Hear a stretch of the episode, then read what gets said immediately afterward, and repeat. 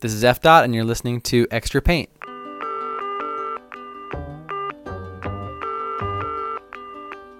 Hey, my name is Eric Friedenson, aka F Dot. Extra Paint is a podcast for muralists, art lovers, and creative people of all kinds. In each episode, we're talking to different artists and makers who are truly dedicated to their craft and making an impact in their communities. That's what it's all about, right? We're trying to build a community here on Muralist on Instagram. Get involved with us there. We hope this podcast opens up the conversation and the opportunity to think bigger with your art practice. Today's episode's a little different for a couple reasons. First off, I'll be joined by Jessie Mordine, who is my partner. She was on the last episode of Extra Paint. She and I run the Muralists account together. She's joining the conversation today with our guest, not only because we wanted to try co-hosting an episode for the first time, but because she's also an art historian. And for today's episode, we'll be looking at some murals that help the viewer peer into the past. You want to say hi, Jesse? Hi. what makes this episode special today is that we're joined by Richard Haas, who is one of the most incredible muralists of the 20th and 21st century. Richard is the real deal. You're going to love this episode. He is a New York based artist who was originally a printmaker, but he has been painting murals for over 5 decades. Yes. He is known for his massive walls that are a combination of hyper-realistic depictions of architecture using a technique called trompe-l'oeil or trompe-l'oeil as my friend Jeremiah likes to say it. To quote Richard's book called The City is My Canvas, Richard transforms the drab exteriors of neglected buildings into breathtaking facades which seamlessly blend into their existing environments. Haas views his work as an amalgam of painting, sculpture, architecture, and city planning. He draws inspiration from American history, Greco-Roman art and architecture, modern and urban landscapes. Seriously, go check out his work on his website richardhaas.com. That's H A A S. Go check that out while you're listening to this episode. I hope you love it. All right, let's go talk to Richard. Well, I always take it for granted that most people don't know anything about the person that's being interviewed, so that's where I would have to start. Uh as you can see by the uh picture of me. I'm a, a senior citizen. I was born in 1936 in uh, a little town in western Wisconsin called Spring Green, uh, which, as I had mentioned earlier, was world famous only for one reason, for the man who lived across the river, who the townies called Shaggy Hair, and the world called Frank Lloyd Wright.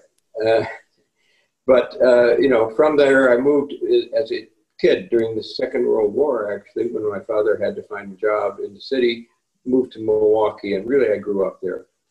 Uh, went to school, grade school, high school, and then ultimately UWM, University of Wisconsin-Milwaukee, where I graduated with a degree in uh, art and art hist art and uh, art education, which meant that I wanted to find a job. And so uh, After spending 6 months as a second lieutenant in the Army, I came back to Milwaukee and taught for 2 years in a secondary school in the, what was the edge of the ghetto at that time.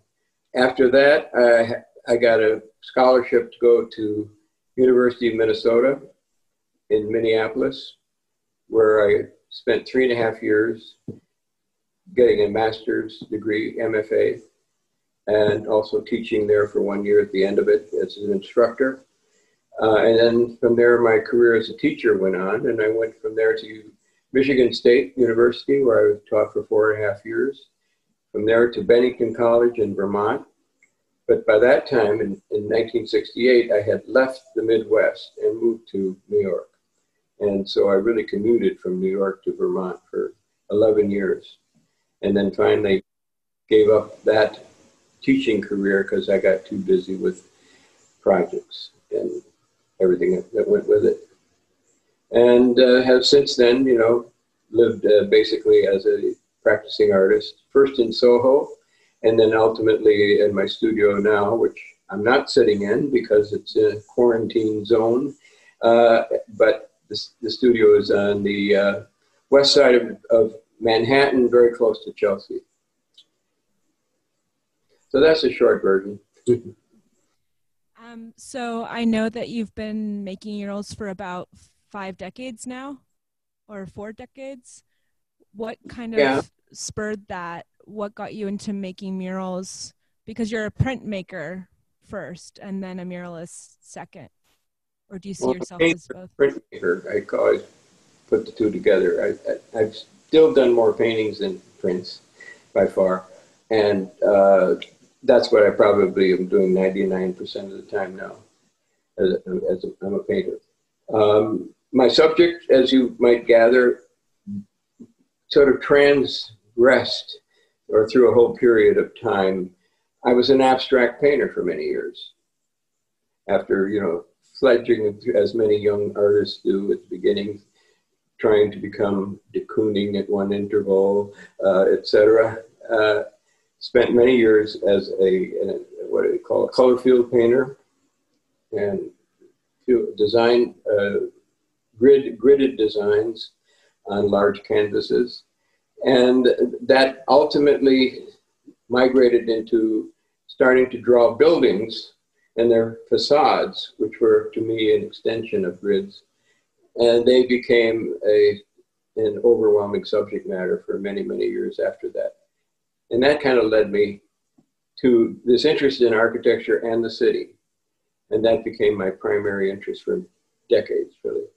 And uh, it was about that interest, along with my long history of architecture itself and my interest in that, that got me involved in making my first mural proposals.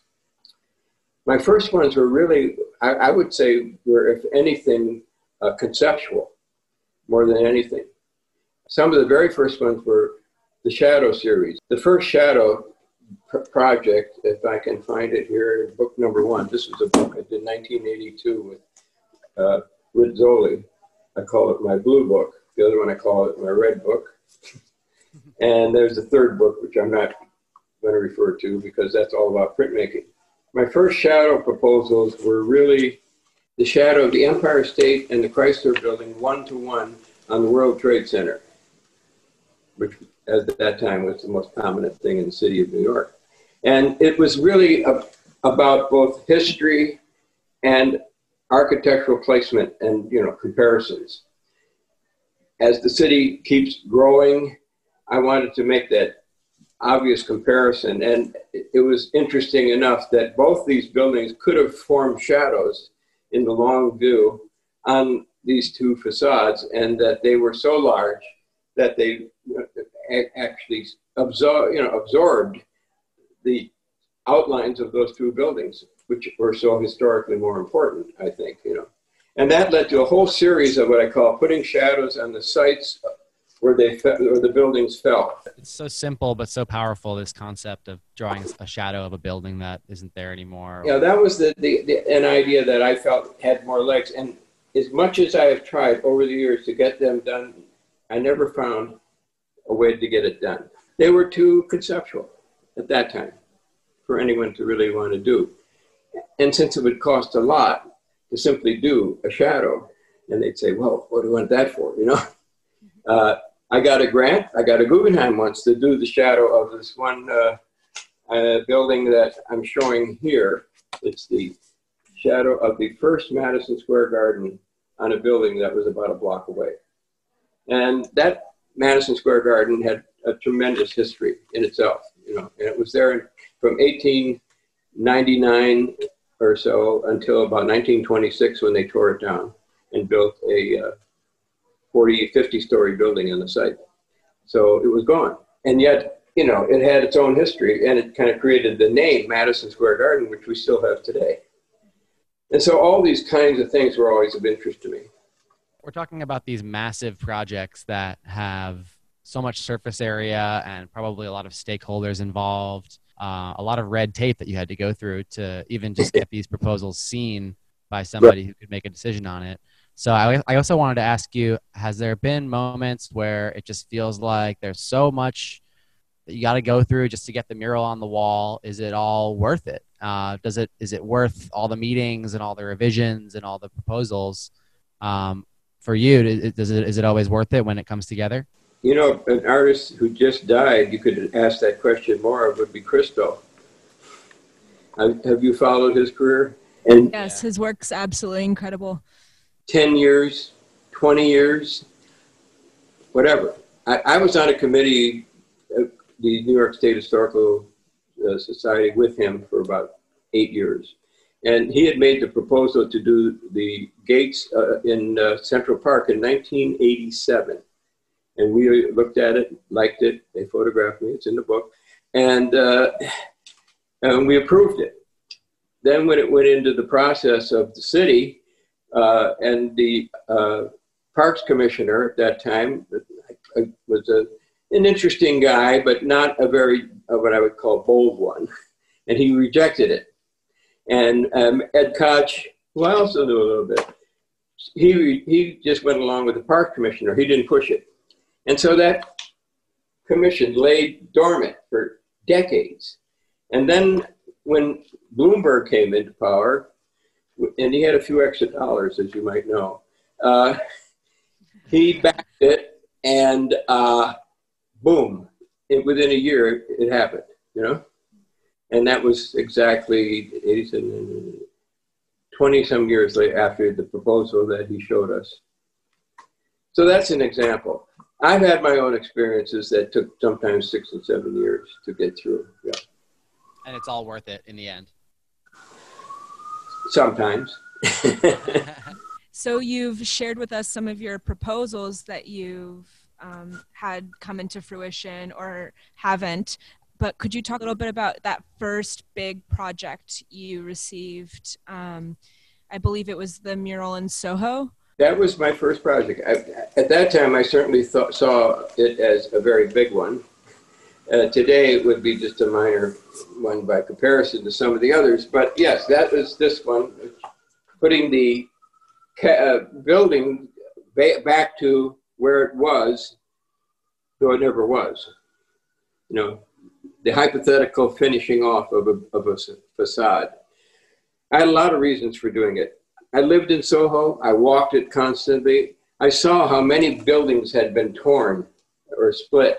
How many times, for instance, Houston Street was widened and they cut off about 30 buildings all the way across town to make that street happen. And the, each of those facades was an opportunity on one level and uh, you know an eyesore on another. And it was my idea to somehow uh, according to one architecture critic for the New York Times Paul Goldberg a, a way of being the uh, doctor who uh, sort of sewed up the city you know after the mural operation. doctor. I like it. The mural doctor.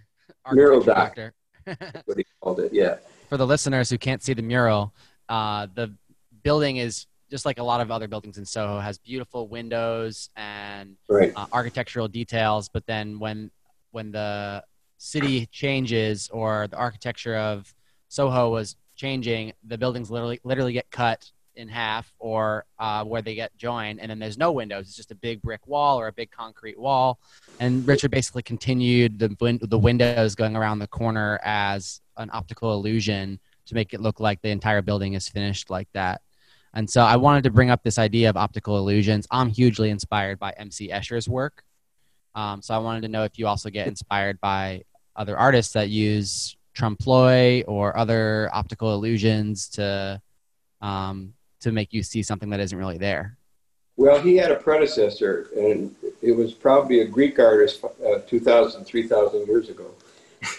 so optical illusion goes back at least that far.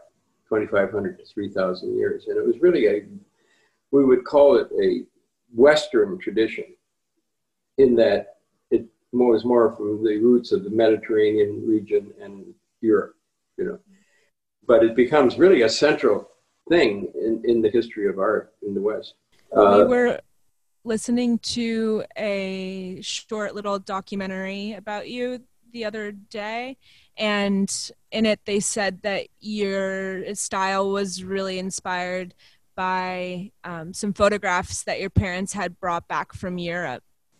Well, and it's funny you should mention those. I have a few of those still upstairs uh that I wow. got after my parents passed and uh yeah, they would have like a a book you would go through, you know, their trips. And their trip in 1932 to Europe starting with Germany then going down through Austria and then Italy. It was a pretty spectacular thing for me to look at you know. It inspired me you know to take it took me out of a, a little midwestern zone and into another place. I think my favorite thing from that documentary that we watched was how you'd be painting these windows that weren't really there and then people would come and try to rent the apartment and they say oh yeah i want the one with the i want the one with the bay windows. But the bay window doesn't exist. Chicago, yeah. well, that that was an, an interesting project all the way around that project in Chicago uh because it was the first really major building that I tried to transform from being, you know, it had three sides that were completely blank.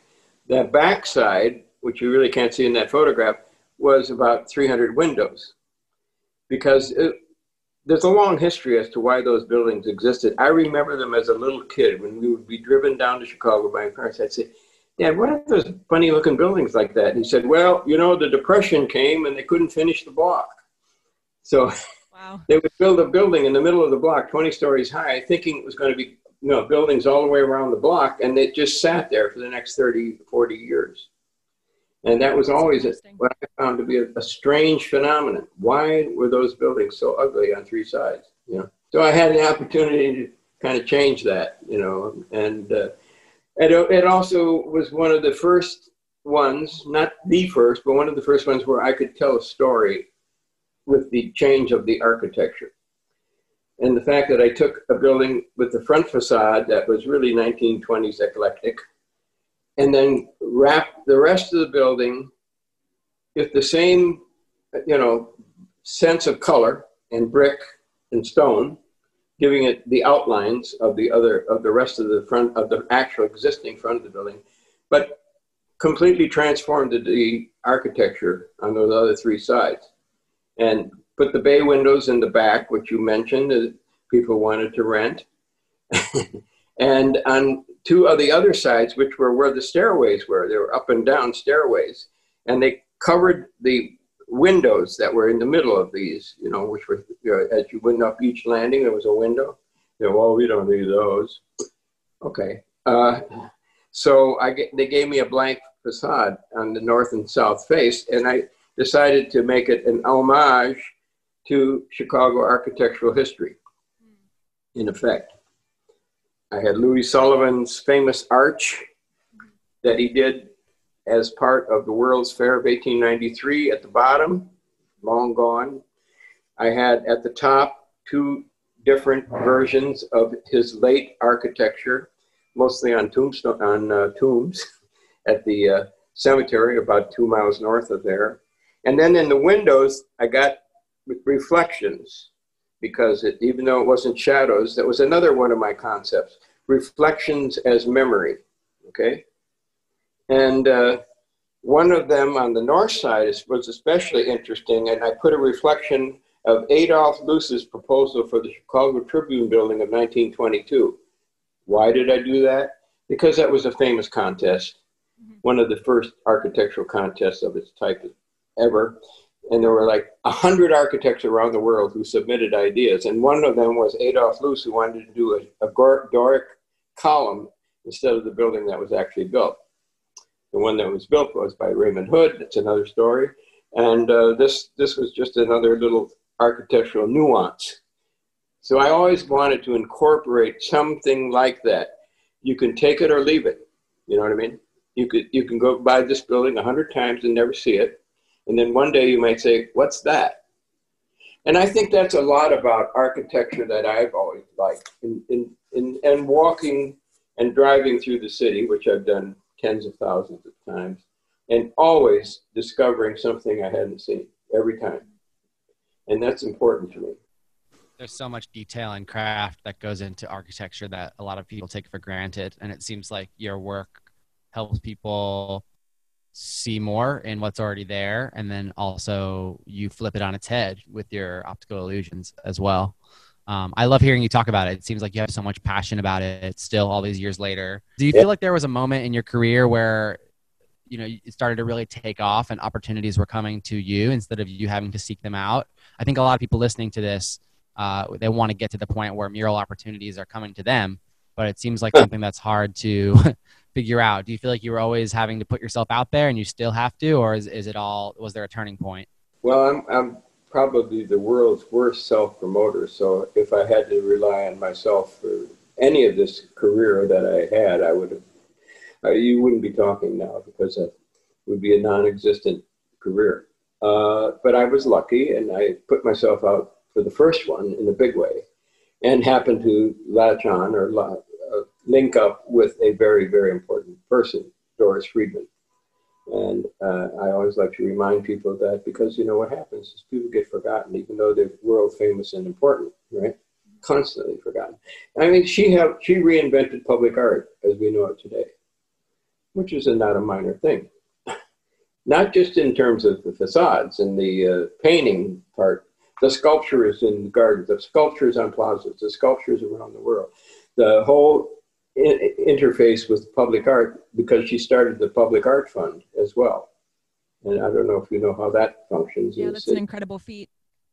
Yeah, and uh and she died literally just after she started it. I was on the board fortunately for the first 2 or 3 years so I helped deal with that beginning of that process and uh, it's been an ongoing thing which I think has made a, a major statement in terms of public art especially in New York. So you mentioned that for the first opportunity, you had to put yourself out there, but then you met Doris. And then after that, she was basically getting you opportunities? She would bring stuff to me, and she would find out about stuff. And, and then she would link up. She had a network. You know, if you, you say, in those days, we had Rolodexes. You remember those things? well, her Rolodex. almost like a metaphorical term. right. Her Rolodex could be sold to anyone with the names that were on it, right? oh, Senator Javits. Oh, sure, I know Jake. You know that kind of thing. you know. Yeah. So one person can really change your career in a way. Yeah, she had. I I, I would give her that credit. Uh, but she died very soon thereafter, and then I was on my own, and I had to sort of reinvent myself on another level. Uh, but uh, that was a tremendous uh, boost to start. Yeah even the first project that went on in Boston after my one in Soho, which was, I think, also a very important project. I had that here somewhere. Yeah, where was it? And that one had its own history that you could tell a, a story about. Yeah, this one. Can you see that? Yeah, it's incredible. It's yeah. the It's the back of the uh, Boston Architectural College, which before that was, you know, sort of a nothing, as you see there. And of course, it could be seen from the expressways. You came into Boston if you were, you know, looking long enough and hard enough and it was lit at night. That was another nice thing that happened. It was the first one i think they did that with. And you would instantly see this apparition and then you shoot down in the tunnel and it's gone, you know. But it was a very, it was, it was about sight. And you could spend some time talking about the importance of sight as well. And it was also about, you know, uh, recreating a non-existent, uh, a transformation of a building to something other than what it was. And that was an idea that it carried forward in many of my other projects as well. And here what I did is I cut the building as if you sliced a big brick of cheese, you know, and exposed those inner parts that didn't exist. I see you almost as like an, an art historian with these murals in a sense or mm -hmm. or a, creating historical preservation in a sense. Um did you have any aspirations mm. to be that in your career in a, in a different way or um you likewise are it seems so compelled to portray architecture. Did you ever want to be an architect? Well yeah in a word. Um very early on.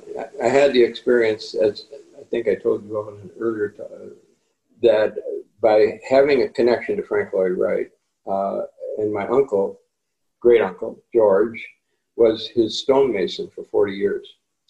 And so when I was about 19, I you know, had really expressed a strong interest in architecture. There was no architecture school in Wisconsin at that time. So I couldn't get that opportunity of, you know, a college education in my state where you only paid $90 a semester, you know, and got your education. Just like today. Yeah. Just like today, exactly. I applied to the Illinois Institute of Technology, which of course was run by Mies van der Rohe, not an unimportant person. Uh, he was still alive then. And um, uh, it, when they came back with the fee, it was like, oh my God, uh, we just didn't have that kind of money, you know? So uh, I told my uncle, and he said, well, I'll talk to Frank, right, and uh, we'll work something out, and you can come out in the summer and just hang out and help me. That was what I did for two summers. So that was uh, my introduction to architecture. Uh, as I said, if you start at the top, there's only one way to go. Down. So anyway, uh, I didn't, but my being there was a very complicated time for me. And I really, in seeing what it was about on a more close-up basis, became less and less interested in that as a possibility and simultaneously I'm in school at UWM and my, my art teachers are really really pushing me to become an artist a painter and I liked it and wanted it. And painter printmaker is what I switched to and really got more involved in and put the architecture on the side. But it was obviously a latent thing deep in my experience.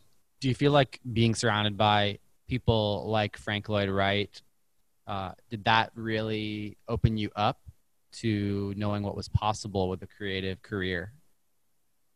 Well how can you explain somebody like him you know and having that opportunity of not just seeing them working day to day and he coming in and criti critiquing them and you know talking and so on and so forth but also going through his his archive as I said, I had, because my Uncle George knew him for 50 years, they had a different relationship than he had even with his assistants.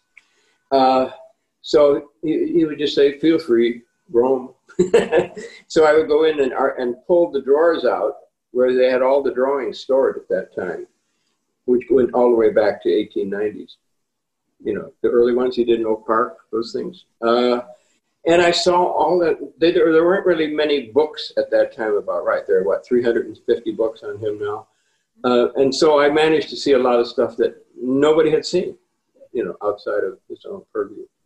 And get a, a, a wider range of understanding. And the and the quality of the drawing etc all that was there mm -hmm. you know when I look at your mural that you just showed us from Boston, I'm just amazed at how you can get those shadows just right. You know, when I think about architecture, it a lot of the time it's about how light and shadow play in a space. Mm -hmm. And you're doing that with your murals. How do you do that? you make it up. Amazing. That's all. You get up until it feels right and then you know you're done. Pretty much, yeah not as to say how do you measure this and measure that? You know there's even a school today of, of historic architecture in New York and they've never invited me but that's a different story. Uh the uh you know they go through the whole uh rigmarole of how it's done and it's a very complicated kind of thing you know. And I've looked at a lot of uh drawings of the École des Beaux-Arts from France. I own about 10 you know that you could pick these up for a few dollars once when you're in France. Uh, and, you know, the drawings are just absolutely amazing. You can't believe that some young architecture students spent hours and hours and hours doing these drawings. And they're beautiful.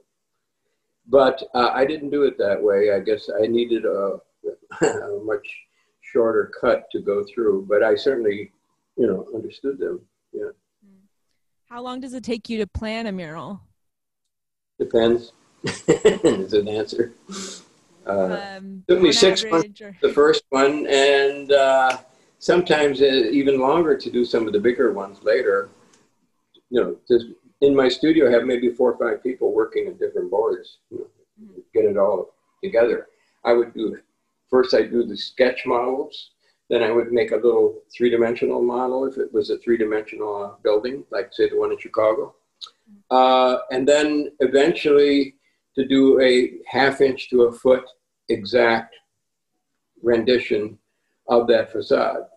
And those could be those boards, the biggest one, the one in St. Louis, the board was like 10 feet long and 6 feet wide, you know. Wow. And then you're blowing that up to be 24 times as big. As, yeah. As, yeah. yeah. At wow. least. Yeah. Uh, yeah, I mean uh, I had did some on the details I would blow them up to 1 inch to a foot and those details could be very large you know. Do you always work with pencil and paper or do you ever use digital tools to make your work more exact or to help you stay in the bounds of the of the project? Well i i i think that steve jobs was about 15 when i started. Uh, you know? Yeah, maybe in your later projects. Right. Uh, no, I, I bought my first computer, you know, that famous one in eight, 1983 or so. That, what was that one called? The, the first uh, Macintosh? Yeah, the first Macintosh. And it was sitting up right where I'm sitting now, up on a pedestal there. And I'd go in and you'd make these great, simple little outline drawings with the X's and O's, you know, those things. And that was about it.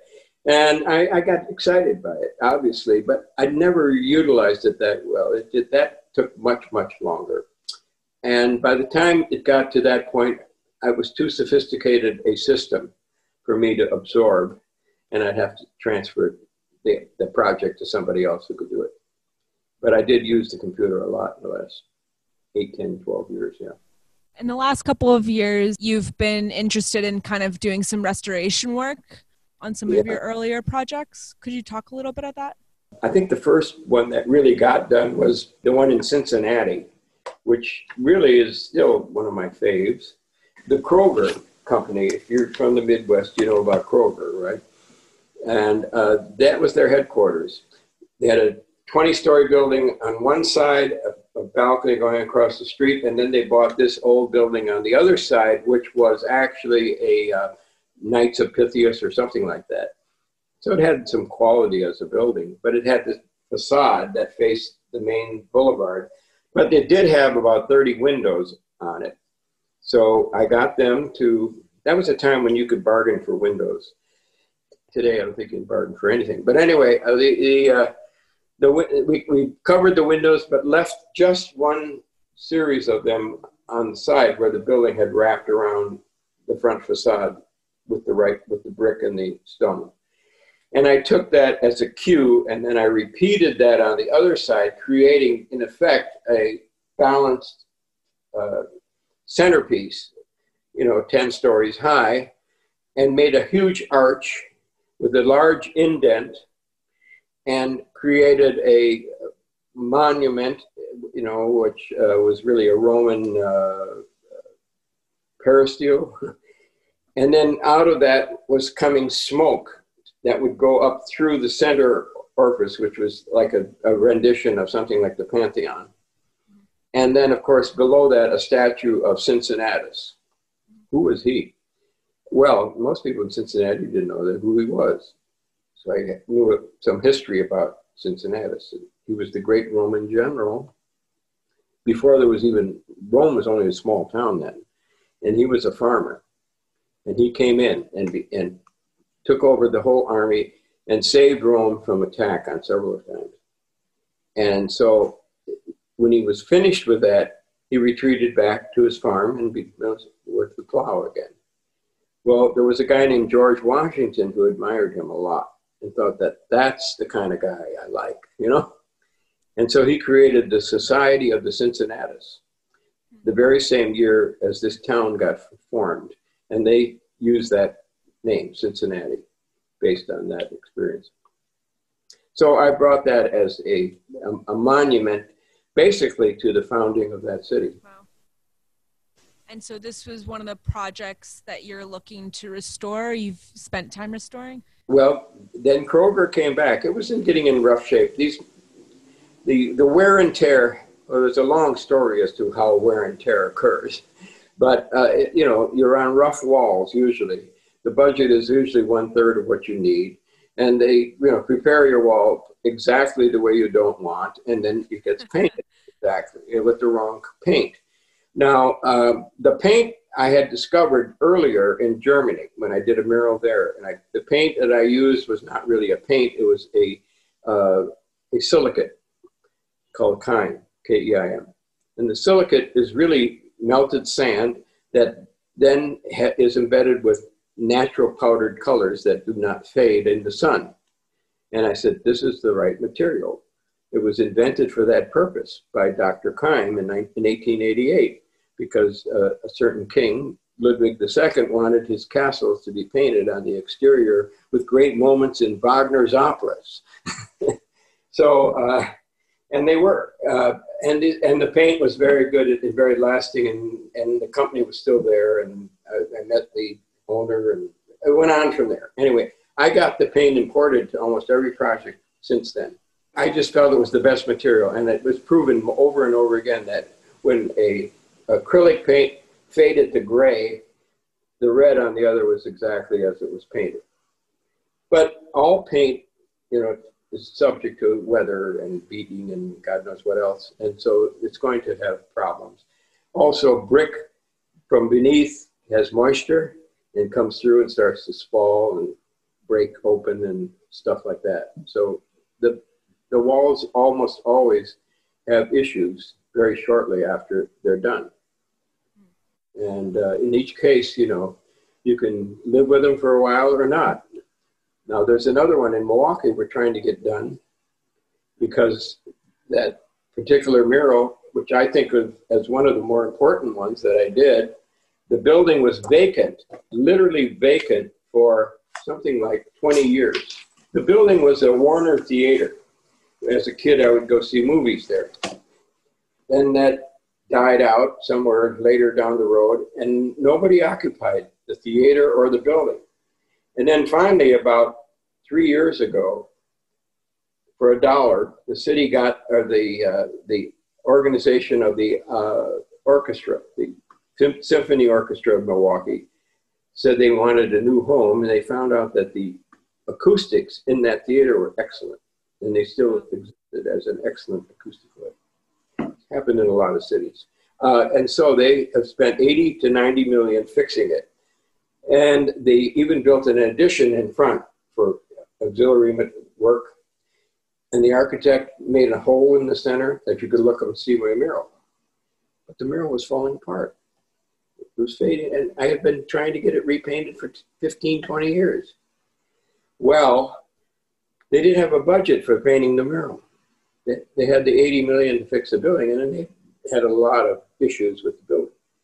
Finally, a man named Marcus, who was a very well-known donor of art in the city, said he'd pay for it. But Marcus owned all the multiplex theaters in the Midwest. And then a thing came along about five, six months ago that dropped his business from X to zero, right? In two minutes. Mm -hmm. So he pulled the money. And that's where it's at at the moment. Uh, preservation can be such a challenging thing in terms of funding. It is, it, but it, it, it's also an ironic story, isn't it? When they had Definitely.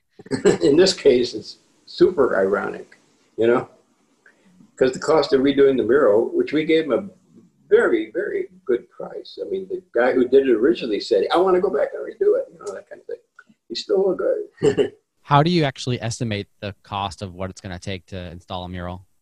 There's no science to it. It's, it's really, you know, uh, square footage, uh, material, time, uh, all of that. Uh, something that the people who usually want the murals do, don't even understand and and they don't even understand the fact that if it was painted for X in 1987, it shouldn't be painted for the same price in 2021, right? Hello. Of course. I was just told a, a week or two ago I got a, a from Milwaukee an offer to make a proposal for a mural that would be about the size of the one I did, you know. Uh and it would be an homage to Milwaukee. Sounded like a good subject. Uh and it would be on the old Schlitz building. Oh, I know about Schlitz, you know, I know all about that. And they said, and but they had all the things you had to do, da da da, and the price would be fifty thousand dollars. Hello. I mean, in 1987, right? I couldn't have done it for twice that, you know. Yeah. So what are you going to do? Always want what they can't have, or they want they want it done yesterday for half the price of what it costs or less.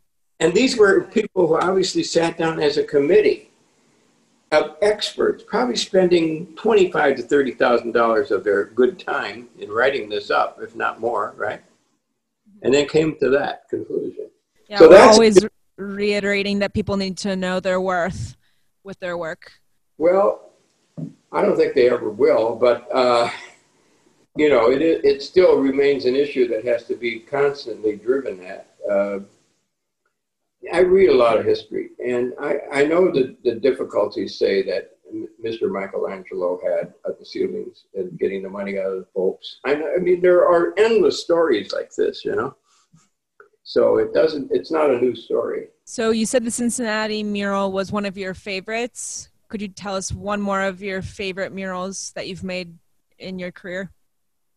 there are a lot of different stories. I mean, the Edison one was the biggest one I did, and that, that was a very positive moment, I think, in, in that, uh, you know, history where uh, it, it was a family of uh, original owners of the largest shoe distributing company in the country, right? Edison Brothers Shoes. And they had a warehouse that was this huge, block long, 12 story high, block wide building, two block long, really uh and they said uh this is your canvas. What can you do with it? I looked at it and there were like three, maybe 500 windows 600 windows i don't know tons. And i said it's a great building but it's all windows. And they said well we're going to redo the uh atmosphere inside you know the air conditioning and so on. And you you can close up whatever windows you want. Or some of the windows. And so we bargained. It was a, it was a horse trade over windows. And so I came up with designs that took away 300 windows, then 200 windows. and I ended up taking about 200 windows out to do the design. And uh, the design literally covered the whole building on three sides. And it was all you could see coming into the city on the highway for a little bit. And when I was doing all this, you know, I'm talking to these people in their boardroom. And I remember sitting in the boardroom and there were oh, Edison, John Edison, and Bernie Edison, so and so Edison, you know. And I looked up behind them and there were pictures of the founders 100 years earlier and they looked exactly the same. and I made note of that and they all kind of laughed and smiled and they said, "Well, yes, we're a family run business." And um they said that uh but with you, I said, we just want a gift to the city. You have carte blanche. And that was how I was given the project. Now, that is very rare. It was a very, very positive experience. But it's a totally different thing, a very small mural nobody's ever seen. Nobody knows about it. It's an interior. I did 50 interiors for every, or two interiors for every single exterior I've done, okay? But this was a, a, a series of interiors I was doing for the state of Florida three in Tallahassee and one in Jacksonville. And I, the one in Jacksonville was a small building. Uh, and it, I chose to take, uh, be, with knowing a little of the history of Jacksonville, to take James Weldon Johnson, who was the, the a black uh, music uh, writer, and he wrote the Black National Anthem and then and another woman who was a very important educator, black woman. So I had the portraits of either of them on two sides, and then in a band running all the way around three sides of the building, including across the balcony at the front. I had the music notes for that anthem and the words above it. So it was like in gold lettering all the way around. Beautiful. And so we installed it. And I'm there with this person who was helping me. You always need a, the, the woman who was in charge of projects for me. Was a really great person in Florida. And then with her was the head of uh, the board of uh, the art commission of that city of Jacksonville. And he's looking and he said, what is this? What, what, what are we doing here? You know, that kind of thing. And she didn't say anything and I didn't say anything. And then suddenly on the balcony appeared 20 black workers in the building and they start singing the national anthem. I mean, there, and he was like, oh my God. memorable moment. Yeah. And that was after four or five white individuals passed by and saying, what are they doing that for? You know? Mm. So that gives you an, a, a direct line into today.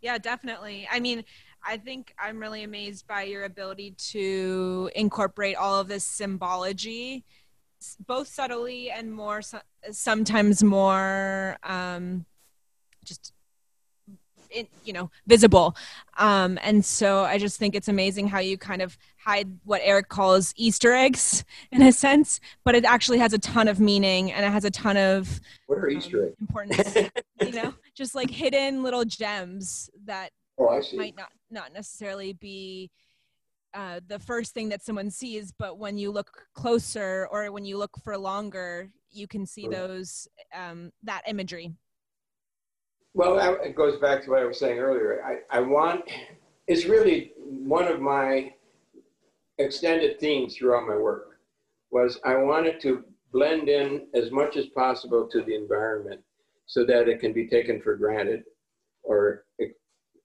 experienced on its own terms, but that it should not broadcast itself solely and becomes out of keeping with the environment that it's in. I find that very Now that could be an issue an argument about a lot of things I see. um I'm not even sure that, you know, I mean that's my own context. Uh it, may be a, oppositional to the vast majority of what goes on in in public art in many ways. And I understand that. Uh but it's it was my idea of contributing to what I think was a uh, urban issue. And you stayed pretty true to that as well over your career. Like you your work is very recognizable and consistent with that philosophy. Well, it gets harder to do against the nature of how things change, you know. Yeah, what do you think about con the contemporary mural scene and and how so many now graphic designers are picking up the, the brush and mm -hmm. figuring out how to get their work seen on a larger scale. And then also the, the commercial side of it too. Now every business wants a mural. Is that right? I don't it, it know. it seems so. It seems like when there's a, a big wall and there's no mural on it it's a missed opportunity for a business to attract more customers. Well i think that's always been there. I i, I don't find any surprise in any of that because that that is the other end. I mean, the first guys that painted my murals, you know, were the advertising guys. That they would take time away from their whiskey and cigarette ads to do it, you know. Those were the first painters. Those are the skilled painters I had available to me at that time. Uh, of course, whiskey and uh, cigarettes went away. And they had, and as did most mural painting, you know, with the invention of that thing called computer. So, but there are a few guys out there coming back and doing that kind of thing too. Well, I actually wanted to ask you before you were working with these sign painters and these other people helping you with your murals, were you the only person working on these pieces or was it always a team effort? I I did all the interior work primarily with help by my and as part of my team, but uh Got it. The exteriors I never ever stepped up. I mean, I went up on the scaffold many times to look at things from time to time, but I never was actually a journeyman painter of that type. That was from the outset. You prefer to be focused on the design and the the grand yeah. vision of everything. I was still pretty agile when it started, but I mean now it'd be insane to even try. Who are some other artists that you've looked to in your career, whether you were friends with them or you just really looked up to their own practices? I think it's so important to have people that you have inspiration for. Well, the first guy that I had, there were two guys I had contact directly with in my early time. One was Terry Schoonhaven, who was doing the LA Art Squad. Really, I think, very interesting guy. He died, unfortunately. Uh, but he did one, uh, which was uh, the reinvasion of the West Coast with this wave crashing over LA, you know. That was one of his first murals. And they, they were just out there, you know, finding walls and doing it on their own. And he did a whole series of things. So I've always, I always knew about him and we had contact and I even worked with him on one occasion. And then there was a guy in Paris I ran into named Fabio Raidi at that time. And he did what I thought was one of the most in, in, in, impressive murals that I saw at that time. And it was where the, when they tore down the uh, market in the middle of Paris back in 1970, I think, or so. It was called Les Halles. And they tore it down, and there were, again, these party walls in Paris. You know, Paris is not as noted for its party walls as we are. And there was this huge wall, and, and what did he just choose to do? But he put one little human figure in the middle of this huge, vast sea of walls with this sh extended shadow on it. And I said, that is brilliant, you know? We became friends for for a time and I always liked him as an artist. So he was the one guy over there that I knew about. And then I saw other works here and there that I found very interesting, but it was picking you know slim pickings on some level at that time when I was early early on in the, my career. If you could give the muralist community one piece of advice, what would it be? Find the best wall you can, give it your best shot, and don't take anything until you get it done. You know, don't, in other words, keep it going. And that's about all. I mean, uh, because, it, you know, trouble is almost second nature to the whole mural process. And you're going to run into things that you could never imagine that are obstacles in your in your course, right? and you just have to kind of step them, meet them one by one, like whack-a-mole, and and keep going. Yeah. I think that's going to be the illustration that I use to promote this podcast is an illustration of a whack whack-a-mole. whack-a-mole. Right. Well, maybe that could be a, a subject here. it works. We, who would you put on those figures that you want to whack? That would be another one. Well, thank you so much, Richard. This has been so incredible. Um, I've learned so much, and this is such an honor. Yeah, thank you for making time to chat with us and reflect on some of your projects. Um, we love looking at them and hopefully get to see more of them in person soon. And there you have it, another episode of Extra Paint in the Books. Thanks so much for making time to chat with us, Richard. We loved talking with you and learning about your work, your story, and it's just really inspiring to us. If you want to go enjoy Richard Haas's work, if you haven't already done so, listening to this episode, go check out his website at richardhaas.com. And you can also donate to his cause right now. He's working to preserve his mural on Prince Street in Manhattan. It needs some restoration, and it's a nice little way to show your support by making a donation on his website. If you want to follow me, you can find me on Instagram at fdot, that's E-F-D-O-T. You can go follow Jesse at Jesse Mordine and join our account on Instagram at Muralists. There we share tips and tricks and features from the, the Muralist community around the world. You can also sign up for our newsletter on muralists.co if you want to get more special stuff and get notified when we come out with new episodes. You can get extra perks like early episodes in the future, and as we plan out our next series of episodes, it's going to be really fun to chat with you there and get your feedback. Last thing, if you're enjoying these episodes on Extra Paint, please go leave a small positive review on Apple Podcasts. It really helps people discover the show And it doesn't take you more than what? 30 seconds? Go go ahead and do that and we hope to see you on the next episode. Until next time, keep pushing paint.